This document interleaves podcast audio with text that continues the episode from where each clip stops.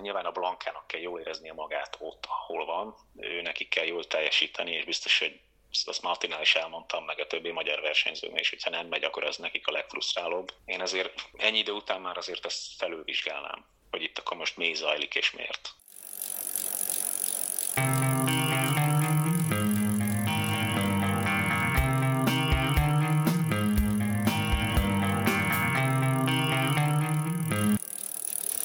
Ciao, sziasztok! Nagyon régen beszélgettünk Lengyel Tomival, konkrétan idén még nem is úgy, hogy most ő következik. Ciao, Tomi! Sziasztok! Hát Budapesten és Magyarországon marha hideg van, ilyen 0-1-2 fok nap közben, komoly mínuszok éjjel. Bergenben mi a helyzet? Lehet tekerni? A jégen, igen, igen. Ma egyébként nem. Alig esett az eső.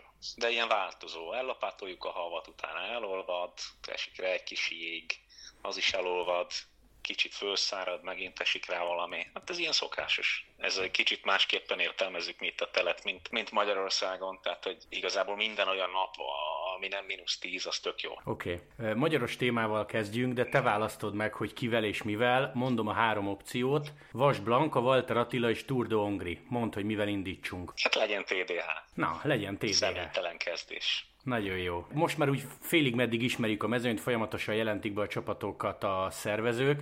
Sokkal inkább az útvonalról kérdeznélek, illetve egyetlen egy dologról, mert ugye a pontos szakaszokat még nem ismerjük, de hogy végre lesz Budapest a plegykák szerint. Ehhez mit szólsz? Mert egy ilyen szintű versenynek azért járna a főváros, nem? Azt tudom, direkt rákérdeztem uh, erre, mert engem is érdekelt, hogy lesz Budapest, és uh, bent középen lesz a tervek szerint, még nincs konkrét útvonal, tárgyalás alatt a fővárossal, de úgy néz ki, hogy rendben lesz. És szerinted egyébként a Tour de Hongria az létezik kékestető nélkül? Mert a domborzati viszonyokat ismerjük, azt is tudjuk, hogy kb. mikor van a naptárban, Tavaly már tök jó sprinterek jöttek, tehát hogy ez lenne egyébként a jövő, hogy, hogy ilyen sprinterbarát útvonal egy-két emelkedővel, vagy meg lehet csinálni ezt kékes nélkül is simán? Szerintem nagyon sok múlik minden évben azon, hogy milyen az időjárás, ezért láthatjuk, hogy egy picit is fúj a szél az Alföldön, akkor sokkal izgalmas napoknak nézünk elébe.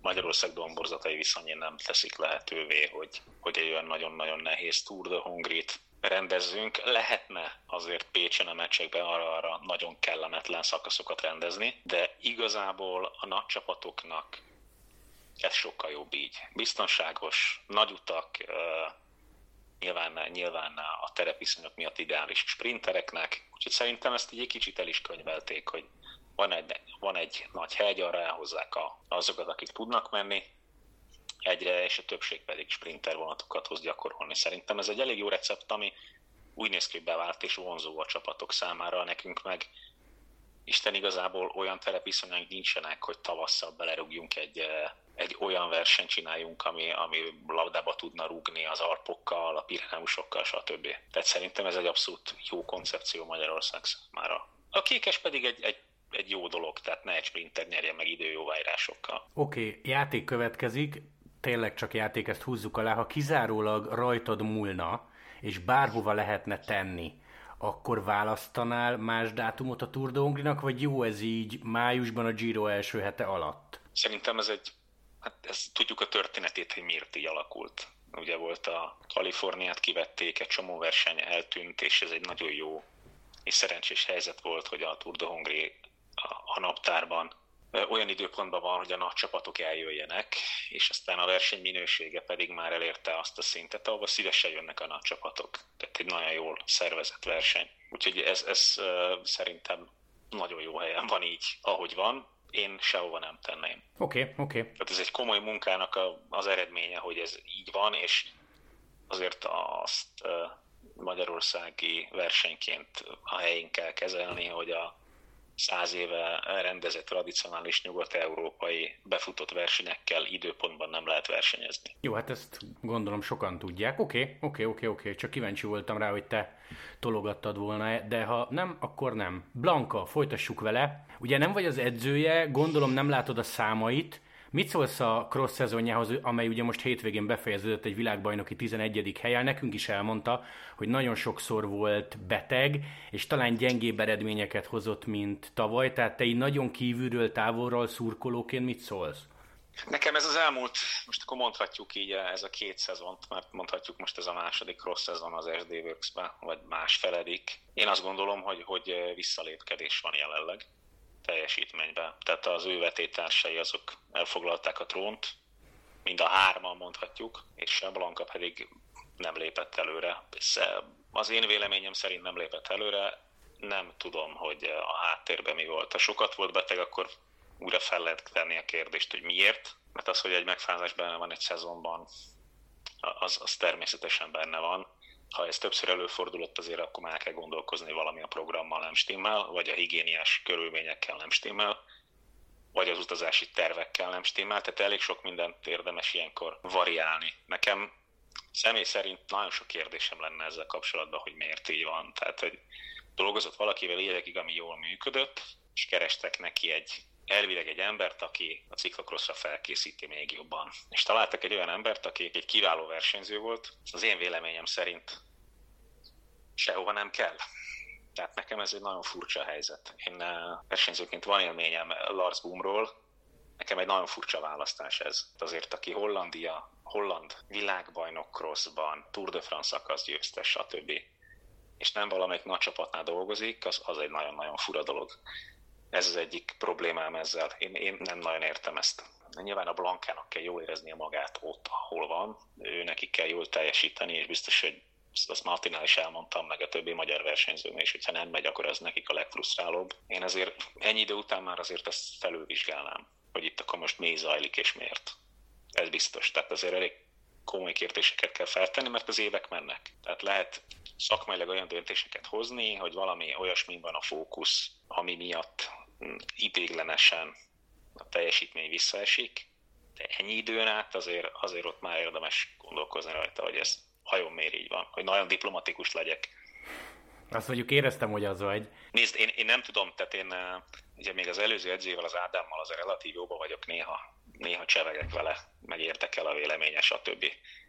De mióta onnan elkerült, én azt látom, hogy itt visszafelé lépkedünk, és nekem még egy nagyon súlyos kérdésem van, ami nem világos számomra. Annyira készültek erre a cross szezonra, hogy a, kihagyták az országúti VB-t Ausztráliába, azt hogy most a Covid miatt, nem a Covid miatt, tehát ezért itt hatalmas lehetőség lett volna Blankának, és nem is volt olyan rossz formában a szezon végén, az országúti szezon végén. Kihagyta, hogy a cross szezon. Na most ebben a cross szezonban azért túl sokat nem láthattunk. Tehát nyert egy-két verseny, de azok azért nem azok voltak, ahol minden király sorban állt.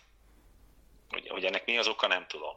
De én azt gondolom, hogy az utolsó, tehát a szezon fontosabb részében nem nagyon volt olyan momentum, amikor azt mondtam volna, hogy itt bármilyen esély van a legjobbakkal felvenni a versenyt. Szerintem ez egy probléma. De ez az én, én, tehát én is egy néző vagyok ebből a szempontból, nem látok bele a kulisszák mögé, hogy mi miért történt. És uh, én nem nagyon látom jelenleg ebben a koncepciót, de ez az én privát magánvéleményem, hogy itt most akkor mi a fontos.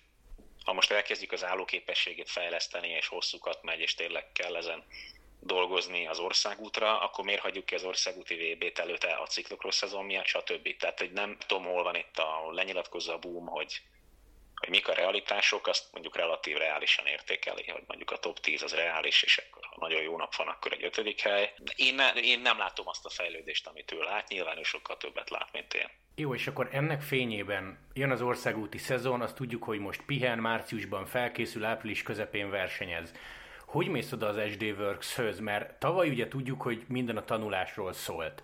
Ilyenkor már a második évében a Blanka kérheti azt? Vagy, vagy szólhat, hogy ő szeretne egy picit többet magáért menni, vagy szeretne egy picit nagyobb felelősséget vállalni, vagy ezt ki kell érdemelni? Tehát amíg nem nyer nagyot, addig nem, nem is kérhet, idézőjelesen? Nézd, e- ez alapján, mit most láttunk télen, ez alapján esélye sincs nyerni egyelőre. Ezt tudjuk, hogy a Blanka egy fantasztikusan jó versenyző, és hogy tényleg csodákra volt képes az elmúlt években, csak ez egy, kezd egy másik kávéház lenni. Tehát, hogyha összehasonlítod azokkal a lányokkal a crossba, akik még egy fanempel, aki a szemmel láthatólag mindenkinél sokkal erősebb, de most ő még mindig nem a fanflighten. Tehát ez ország után azt mondaná, hogy én majd ezt megnyerem, ez nem így van, hogy én kitalálom, hogy én akarok nyerni, akkor is HD Works, nem fogsz nyerni, mert nem tudsz. Tehát ezzel azért mindenki tisztában van. Ne legyen igazam. Tehát ne legyen igazam. Csapatban csapatként kell működni, a rábízott feladatot végre kell hajtani, és a csapat úgy gondolja, hogy képes erre, akkor nyilvánvalóan ő lesz az első számú ember.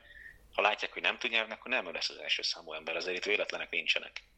Olyan nincs, hogy most rámutat az SD Works-be XY-ra a főnök, hogy már ő nyer, azon már túlhaladt a női kerékpársport, hogy ezt így elosztogassuk egymás között. Annyira akkorákat ugrál a színvonal, szerintem ez a crossba látszik a legjobban egyébként, hogy ott nagyon-nagyon látható, hogy mind technikailag, mind erőben milyen szinten fejlődik a mezőny évről évre, és milyen fiatalok jönnek fel és aztán ugyanezek a fiatalok ugyanúgy dominálnak aztán országúton is, vagy legalábbis nagyon-nagyon komoly eredményeket érnek el. Aztán a másik brigád meg pályáról jön természetesen, tehát nehéz, nehéz kenyérez. Oké, okay, Blanka után Walter Atti és a Jumbo. Nagyjából már így megismertük a versenyprogramját, mármint azt tudjuk, hogy milyen versenyeken indul a szezon első felében. Te mit szólsz ahhoz, hogy feltűnő a jelenség, miszerint több egynapos, mint több napos, és hát azt is Ati mondta, hogy nem megy Girot, és hát valószínűleg nem megy Túrt. Nem tudom, emlékszel, beszéltünk egyszer erről, hogy én örültem, amikor elkezdték az Atinál erőltetni ezt, hogy újra sprinteljen, tudod, a versenyeken, és kicsit ezt én azt gondolom, hogy Jumbo jól óra tesz ezzel. Az, hogy Giro nem Giro, tudod a véleményemet a, a 10x helyről egy Grand Touron, akkor is a fantasztikus eredmény. Én azt gondolom, hogy Ati elképesztő nagy dolgokra képes, és szerintem nagyon jó helyen van, hogy ezt megvalósítsa.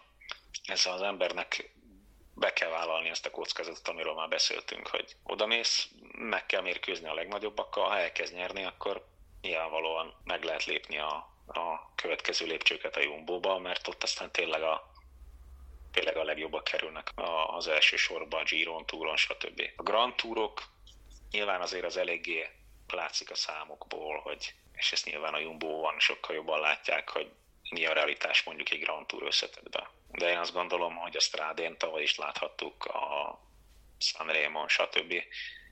Tehát azért olyan versenyek vannak választva, amire az ATI alkalmas. Én, én azt gondolom, hogy na ott, ott most, most van az, hogy most, ott most tanuló pénz van minden szinten. Én azért nagyon bízom benne, hogy meglepi őket, és gyanítom, hogy meg is fogja. Ha mondjuk pénzt kéne tenned arra, hogy idén megy három hetest, vagy nem megy három hetest, akkor mire tennél? Egyáltalán van dráma, ha nem megy Grand Tourt? Szerintem dráma nincs.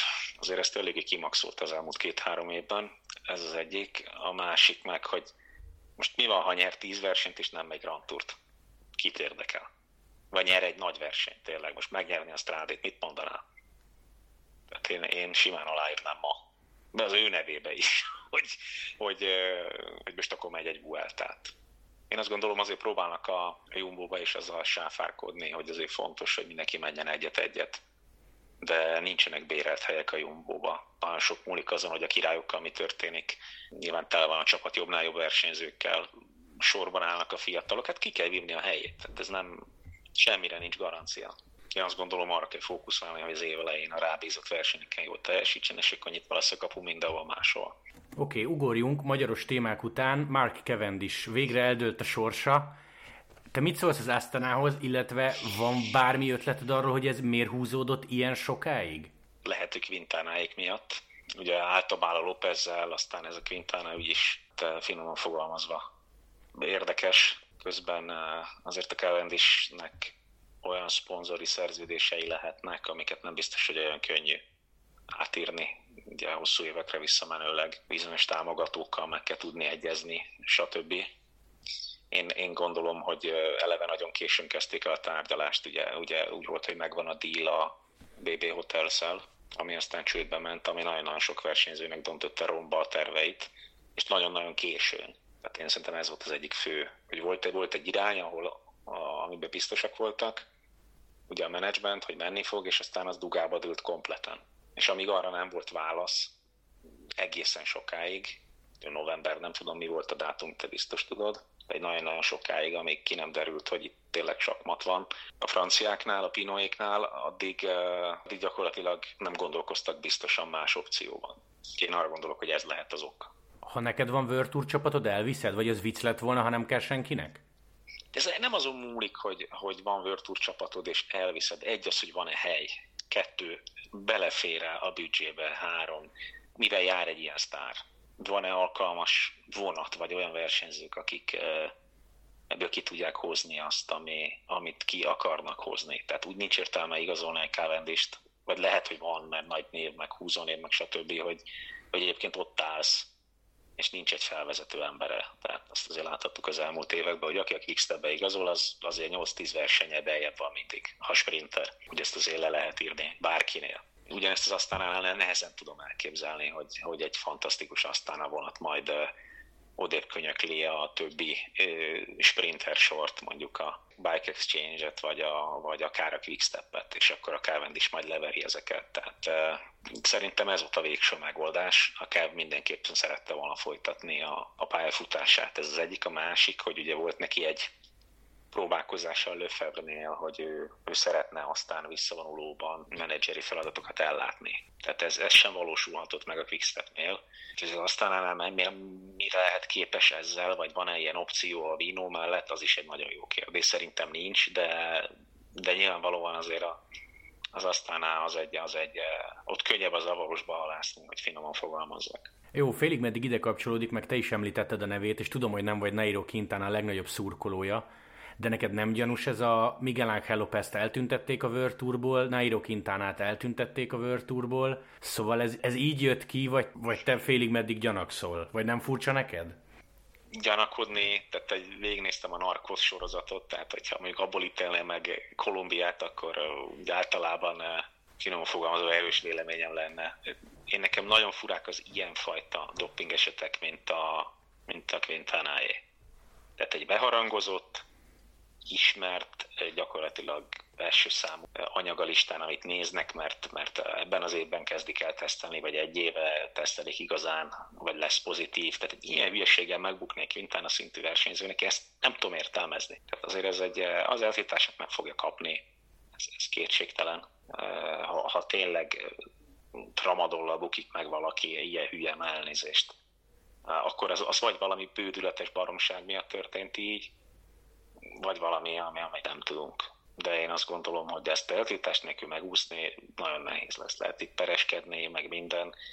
Lehet, hogy két évet nem kap erre, nem tudom most mennyi árat Ramadol ér, de, de ez tényleg Tour de France-on, tehát hiszem is tudom, hogy nekem ezek az ilyen, ilyen elképesztő történetek, tehát nem nagyon van benne logika. De hát nyilván az emberi hülyeség azért határtalan, tehát előfordulhat, hogy akár csak egy valamire bevette, tehát eh, nem tudom, majd kiderül, kiderül a végén. Hát ez a López ügy is egy nagyon érdekes dolog. Azért, ha a Vino kurva elküld valakit, az megint egy, hát hogy mondjam, a Vino a múltjával, tehát ott azért a gyanúnál egy kicsit többnek kell lennie, hogy, hogy valakit kirúgnak így. És ez a Lópeznek elég sok balhéja is volt. Ugye láthattuk uh, Movistar, stb. Tehát uh, biztos, hogy egy problémás srácról van szó. Te mit szólsz egyébként ahhoz a plegykához, és ez fontos aláhúzni, meg csomó mindenkit kérdeztem már róla. Johan Brunel mondta a podcastjébe, hogy ő azt hallotta sportigazgató ismerőseitől, hogy aki elviszi Kintánát, az nem indulhat a túron, tehát az ASO finoman befenyegetett mindenkit, hogy még véletlenül se gondoljanak Kintana leigazolására. Ilyen szerinted előfordulhat, vagy ez, vagy ez elég kamu szagú? Ja, hát ez abszolút előfordulhat. Hát eh, minden csapat, aki nem World és nincs garantált helye a Tour de France-on és az ASO által rendezett nagy versenyeken, azok azért mindig az előzében megjárják a kanosszát néhányszor Párizsban, az ASZO irodában, és eh, ezek elég feltűnő dolgok, vagy azt is láthatjuk, hogy hirtelen bizonyos csapatok szponzorai megjelennek bizonyos ASZO rendezvényeken, körbe-körbe eh, nevek nélkül, tehát abszolút, persze. Ezt azért az ember a saját életéből is tudna ilyen példákat mondani, hogy, hogy ezt Norvégiában úgy szoktam hívni, hogy, hogy nem mondanak semmi, de elfogy a levegő. Tehát, vagy hogy egy nagyon híres filmből idézek a Tud, hogy értsd című vetélkedő, ez, ez sajnos nagyon sok helyen előfordul. Én abszolút el tudom képzelni, hogy nem kíván személy. Azért a Tour de France az elmúlt, most mondhatjuk 15 évben azért nagyon ugrott erre, hogy aki a túron produkált egy pozitív esetet, és uh, utána nem kívánt személy volt. És én azt gondolom, hogy egy, egy pozitív doping eset egy Tour de France-on a nagyobb kárt magának a terméknek, mint Tour de France és névnek nehezen, nehezen képzelhető el nagyobb kár okozó, mint, mint az, aki egy pozitív esettel áll elő. Tehát abszolút el tudom képzelni, hogy a Quintánát azt, azt fekete listára teszik, innentől kezdve meg hova, hova veszik föl. És ez, ez, ez ügy is elég zavaros, tehát maga a fölveszel valakit, nyilván nem három forintért, nem tudod, hogy versenyezhet-e, ezt nem kockáztatja meg senki. Nagyon sok jó versenyző van már a piacon, tehát egy, egy arkába jó volt, és tényleg felül teljesített, de hát ennyit ért. Most képzeld el, ha, ha kicsit rosszabbul megy az arka általában, akkor a Quintana pontvesztésével mondjuk pont ö, nem kapnak szabadkártyát sehova. Most nyilván megszűnt a BB Hotel és több hely lett, stb., de azért ebben nagy kockázat volt az arkának is ezzel, hogy, hogy rengeteg pontot buktak ezen. És akkor miért nyilatkozik úgy Nairo, hogy ő jön át februárba tárgyalni, mert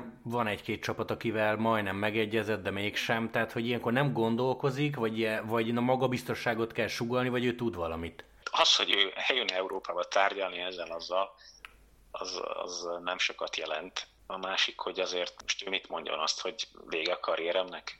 Készül, ahogy túl reménykedik, nyilván azért a Quintana nem akarom bántani, de nem a legélesebb kés azért a Pro Tour mezőnyben. Tehát ő, ő nagyon szereti ezt csinálni, most is tök jól ment a bajnokságon, és pont láttam. Formában van, készül, aztán majd lesz valahogy. Azért azok a kolumbiai srácok, akiket egyszer oda, addig sikerült jutniuk, hogy haza kellett menni, onnan már ritkán volt visszatérés. Ezt azért szögezzük le. Főleg egy ilyen zűrzavaros doping esettel annyi, annyi jó van már, nem fiatal, nem nagyon kellő már majd sehova. Oké, okay, az elmúlt hát hetek leg, nem is tudom, hogy viccesebb vagy szomorú sztoria volt a David Godű váratlanul beszól csapattársának Arno Demárnak című történet. már hallom, hogy nevetsz. Te mit szóltál ehhez, mert ugye egy másik podcastben ezt már körbejártuk, hogy tényleg David Godű, akire most a bántás minden szánéka nélkül azt mondott, hogy ez a kis procis kinézetű srác, aki aki erős, meg jól teker, de hazamegy, és akkor egyből leül a gép elé. Szóval kiderült, hogy olyan szintű utálat van de már irányába, amire te nem is gondoltál, ami, amiről nem is hallottunk egyébként, és az ember nem elfecsegi véletlenül, vagy nem fordítanak egy cikket, konkrétan leírja, majd nyilván 24 órával később bocsánatot kér. Nézd, ez csapaton belül is mindig vannak riválisok, nem kell egymás tenyeréből enni. A Francis Dijon-nél elég sokszor láthattuk, hogy vagy ez, vagy az. A sprinter arra panaszkodik, hogy a vonatból hiányoznak emberek, a hegyi menő arra azért panaszkodik, mert a sprinter vonat miatt nincs hegyi segítője, tehát ez egy régi, régi játék, amit a főnök eldönték, kinek van igaza. Az, hogy ez most így nyilvánosságra került ilyen, ilyen belső üzeneteket, ez ja, nem tudom, kinek küldte, akinek nem kellett volna. De szerintem teljesen normális, azt is mondhatnám, hogy elég gyakori.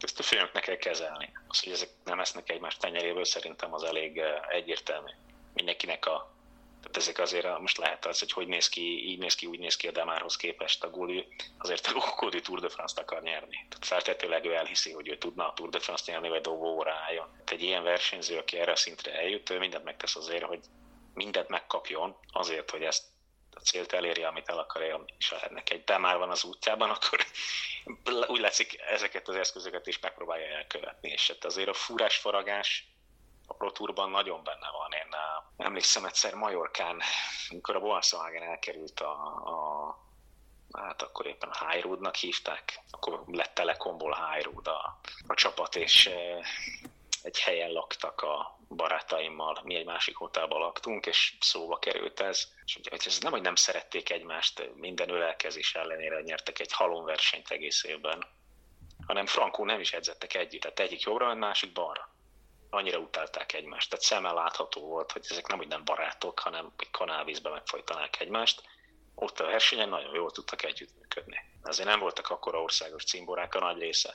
Ez vetétársak. Ez, ez abszolút nagyon nehéz a kerékpársportban az, hogy úgy csapatsport, hogy sokszor vetétárs vagy akár a csapattársaddal is bizonyos helyzetekben. Tehát azért, ha, ha azt nézzük, hogy mit csinálnak jól a Vantiba most, amit, amit nyilatkoztak, például a Vanti versenyzők, hogy, hogy megvan, hogy kinek mikor kell segíteni. Így ezt, úgymond ezt a méregfogat kihúzza. Hogy mindenki tudja, hogy oké, okay, ez az én versenyem, aztán vagy sikerül, vagy nem. De akkor ott mindenkinek neki kell dolgoznia. Ott, ahol nincsenek ezek, és ezért a franciáknál láthatjuk, hogy még mindig egy kicsit régi módján kezelik ezeket a dolgokat, ott nyilvánvalóan fellépnek ilyen belső konfliktusok. Hát ez munkahelyen is most valaki küzd, ketten-hárman küzdenek ugyanazért a pozíción, akkor nem fogják csókolgatni egymást, nyilván nem. Tehát, hogy láttunk már sok ilyet a saját életünkből is. Na jó, de azt mondjuk, azt mondjuk szerintem mindenki érti, hogy van egy 30-as keret, ott 30 ember nem jár össze, meg nem haverkodik, vagy nem szereti egymást feltétlenül, de, és te tekertél annó csapatban, nem mond nekem, hogy ugyanúgy dolgoztál valakiért, aki, aki mondjuk nem volt szimpi, mint az a srác, akivel mondjuk eljártál sörözni. Vagy ugyanúgy dolgoztál? Én azt gondolom, hogy ez általában nagyon sok időt van az ember összezárva az emberekkel. Nyilván én nem 30 fővel voltam összezárva. Én nagyon sok embernek dolgoztam úgy, hogy nem kedveltem, egyszerűen mert a saját érdekem is ez volt. Tehát mondjuk, ha én nem tudtam volna nyerni, és a csapattársam tudott nyerni, az nekem egy komoly anyagi plusz volt. Szerettem, nem szerettem, ez nem, ez nem szeretem kérdés, ez valamilyen szinten egy idő után munkahely is.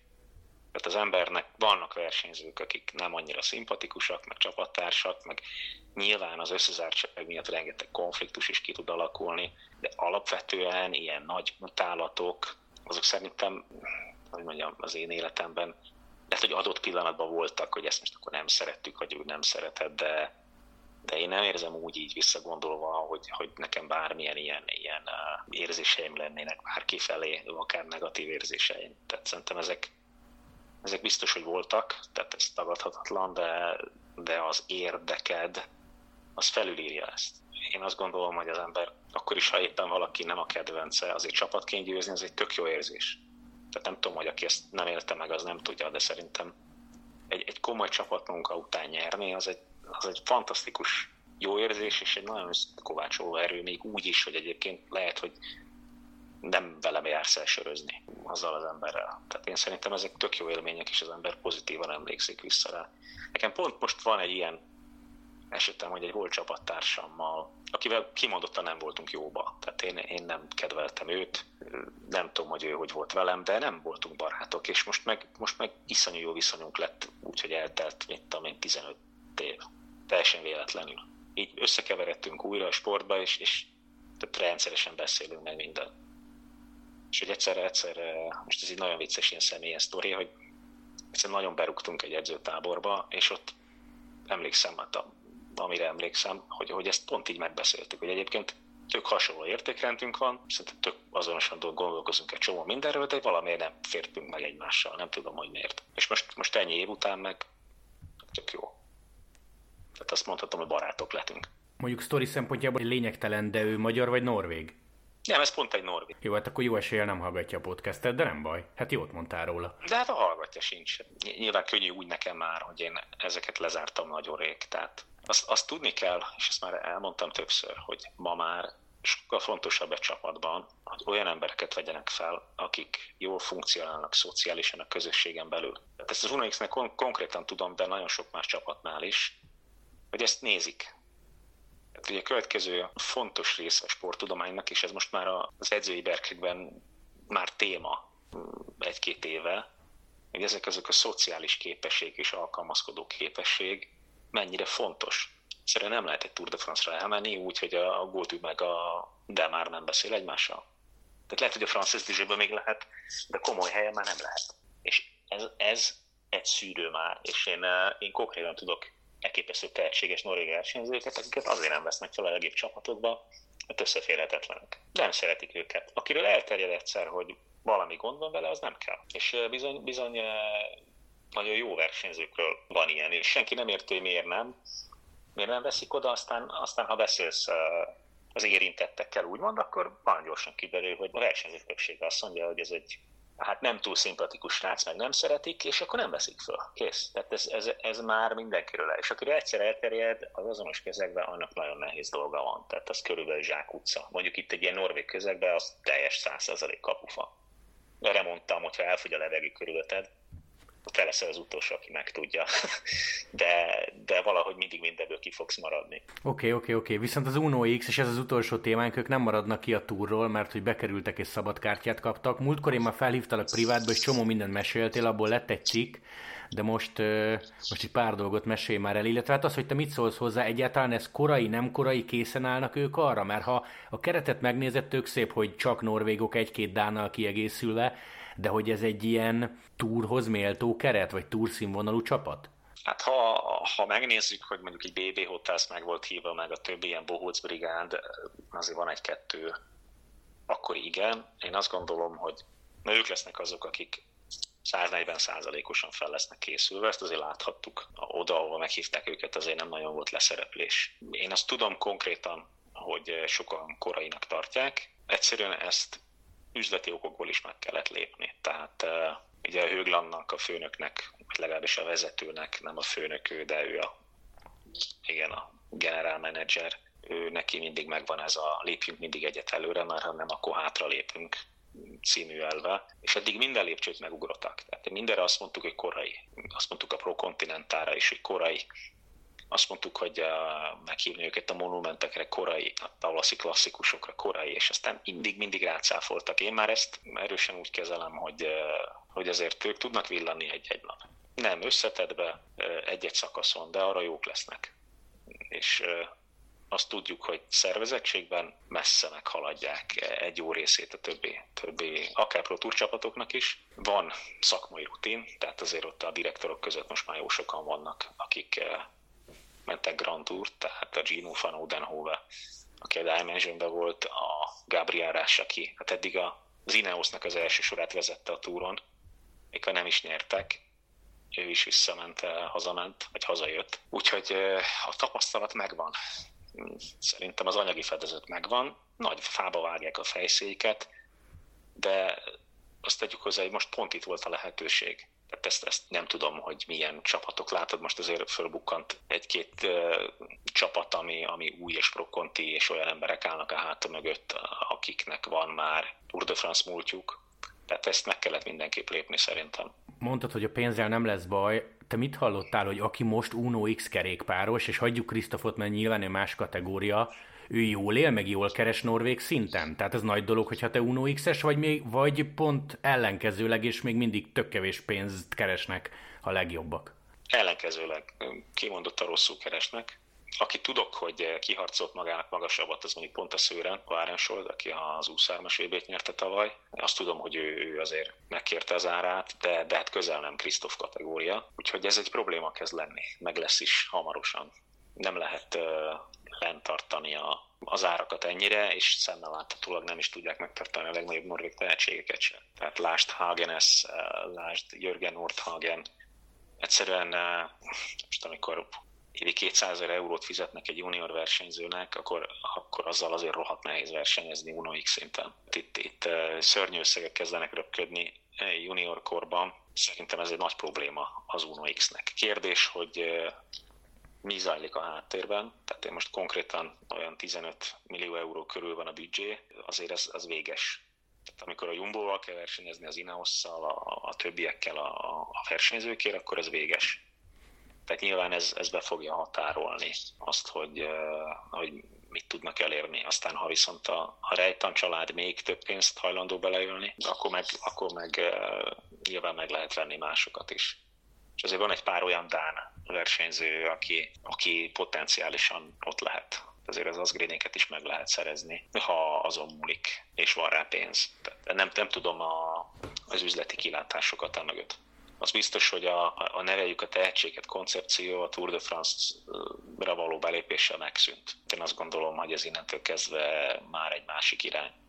Nyilván próbálunk gazdálkodni a tehetségekkel, de de ide az már nem elég. Egyébként mondtad a Rejten családot, ott ugye Od Rejtennek hívják a, a tulajt vagy a főnököt, ő megszólal kerékpár témába? Tehát amikor kijött a hír, hogy Tour de France-on mehetünk, akkor ott, akkor ott a család megszólalt, vagy nem tudom, ők csak adják a pénzt, és soha nem nyilatkoznak sportszakmailag? Soha egy sort se. De még a, de még a külszet se, aki még közelebb van a tűzhöz. Tehát, hogy senki, senki soha, csak a hőglant. Szerintem az emberek nagy része nem is kötötte ezt össze, hogy a, a Rejtan család van az Uno X mögött konkrétan. Most így berkeken belül tudjuk, de én sokszor meglepődtem, hogy amikor szülőkkel beszélve, mondjuk az én versenyzőim szüleivel beszélve, szóba került az Uno X, fogalmuk nem volt, hogy ez hogy alakult ki a vezető, ki a tulaj, stb. Tehát ez annyira nincs a köztudatban, és erről soha nem is írnak. Talán a veled ugye beszéltünk erről, akkor talán át is küldtem neked ezt a cikket, talán az volt az egyetlen, ahol erről konkrétan úgy írtak az üzleti kapcsolatokról, hogy ki, ki van. De egyébként teljesen nyilvános adat, tehát meg lehet nézni. Csak ez, tehát ő, ő számukra a Hőgland fölött nincs vezető. Az egy szponzor. Az, hogy a szponzor meg kit támogat és miért, az meg a szponzor saját, saját dolga. De a futballba sem mennek oda senkihez, hogy most éppen miért ezt a labdarúgó csapatot támogatják. Tehát hogy azért az adott eh, cég tulajdonosi kör az legtöbbször más tudni, kik ezek, mondjuk itt most pont tudni, de, de nem szoktak körbefutni az emberek, hogy mondjuk a, a, a Treknek a tulajdonosát, vagy a Szega Fredo tulajdonosi körét uh, interjúolják, hogy hát figyelj, most akkor erre miért adtatok? Csak most egy hülye példával jöjjek. Így se. Így se jönnek és kopogtatnak a szponzor ajtaján. Főleg, hogy azért most elég nagy nyilvánosságot kap ez az egész, és nagyon kíváncsi vagyok rá, hogy, hogy ez, ez összességében milyen hatással lesz az itteni sportra, mert ez biztos, hogy egy kiugrási lehetőség lesz egy nagyon-nagyon száraz szponzori piacon. De akkor itt most finoman arra utalsz, és akkor zárjunk ezzel, hogy elmegy az Uno X a túra, ezt közvetíti a tévé, tegyük fel, Krisztof még nyer egyet, és akkor nálatok megjelennek augusztus elején a szülők, hogy szeretném hozni a fiam? Így leegyszerűsítve? Hát ez az, amiről mi álmodozunk, de ez nem lesz. Tehát eh, azt azért láthatod, és, és szerintem Magyarországon is kimutatható, hogy, hogy ezek az olimpiai ciklusok például a magyar sikersportágban hogyan termelik ez utánpótlást túlszás, kajakkenu, stb. Tehát ott azért megvannak ezek a hullámok, tudod, amikor nagyon sok gyerek jön, amikor eh, nagyon sok vízilabdás gyerek jön, stb. Az ilyen nagyobb generációk után, és szerintem tök jól lekövethető, hogy, hogy olyankor mindig van egy nagy boom. Én azt gondolom, hogy itt is ugye volt a Hushoft boom, aztán jött a Boasson-Hagen boom, aztán jött a Christoph boom, és, és ezen mindig egyen nagyobb hullámot gerjesztett, úgymond. Jelenleg azért nagyon nagy bajok vannak, de ez egy másik kérdés, és nincs köze az Uno X-hez. Én, én azt gondolom, hogy nagyon ügyesen rátalált az Uno X egy olyan szegmensre a piacon, ahol relatív kevés pénzből lehet elképesztő méretű figyelmet kapni. Tehát ha mondjuk ugyanezt ki kéne fizetniük a reklámpiacon, akkor, akkor lehet, hogy ez többe kerülne, azt, azt tudom, nem tudom, megírtad de, de hogy ők, ők nem is költenek másra, csak erre, tehát hogy a marketing büdzsé 100%-ba erre megy el. És a szent sífutás? Hát igen, jó, hát akkor ott a Klebo, akivel, akivel van egy szponzori szerződésük, de azért a szent sífutás az, az most már egy annyira nemzeti bajnokság lett az én szememben is, meg mások szemében is, hogy ezt még nem tudom nemzetközi sportnak hívni, tehát hogy most menjél föl az összes idei világkupa verseny összes eredményére, és ha nem találsz 6 vagy 8 Norvégot az első 10-be, akkor, akkor az meg se történt. Tehát ez most már belterjes lett és nagyon-nagyon zuhan a nézettsége is. Nem csak ezért. Most ez egy hosszú sztori, nem akarok belemenni. A lényeg az, hogy itt, itt, több évtizeden át minden szombat vasárnapon az állami tévé közvetítette a sífutóversenyeket, bekerültek a médiapiacra, megvette egy privát cégem, egy fizetős, innentől kezdve a BK-nak a popója alá zuhant a nézettségük a sífutó versenyeknek. És érdektelen is, mert melyik Norvég fog nyerni. Nyilván, nyilván még mindig, mindig, mindig velük van tele a hír, a Glebóval van a hír tele, hogy most ő megdöntötte ezt a rekordot, meg azt a rekordot, de azért mondjuk nekem van a kollégáim, akik sífutásba dolgoznak, meg dolgoztak, hogy azért ők is érzik, hogy itt azért hiába nagyon magas a színvonal, mert, mert kétségtelenül nagyon magas a színvonal, ez már nem az, amikor tíz másik nemzettel kell versenyezni. Nincs ott egy olasz, nincs ott egy német, nincs ott egy cseh, nincs ott egy svéd, nincs ott egy finn, hébe-hóba valaki oda tudja magát rugdosni, de amúgy abszolút túlzott dominancia van, és szerintem ez érdektelenné teszi. De most elkalandoztunk nagyon a kerékpársporttól. Jó, jó, jó, sífutás podcastot azt nem indítok. Tomi, köszi szépen, hogy csöröghettem. Úgyis mindjárt beindul a tavasz, lesz téma, úgyhogy szerintem hamarosan hívlak majd. Rendben, köszönöm a lehetőséget. Én köszönöm még egyszer. Szia, szia!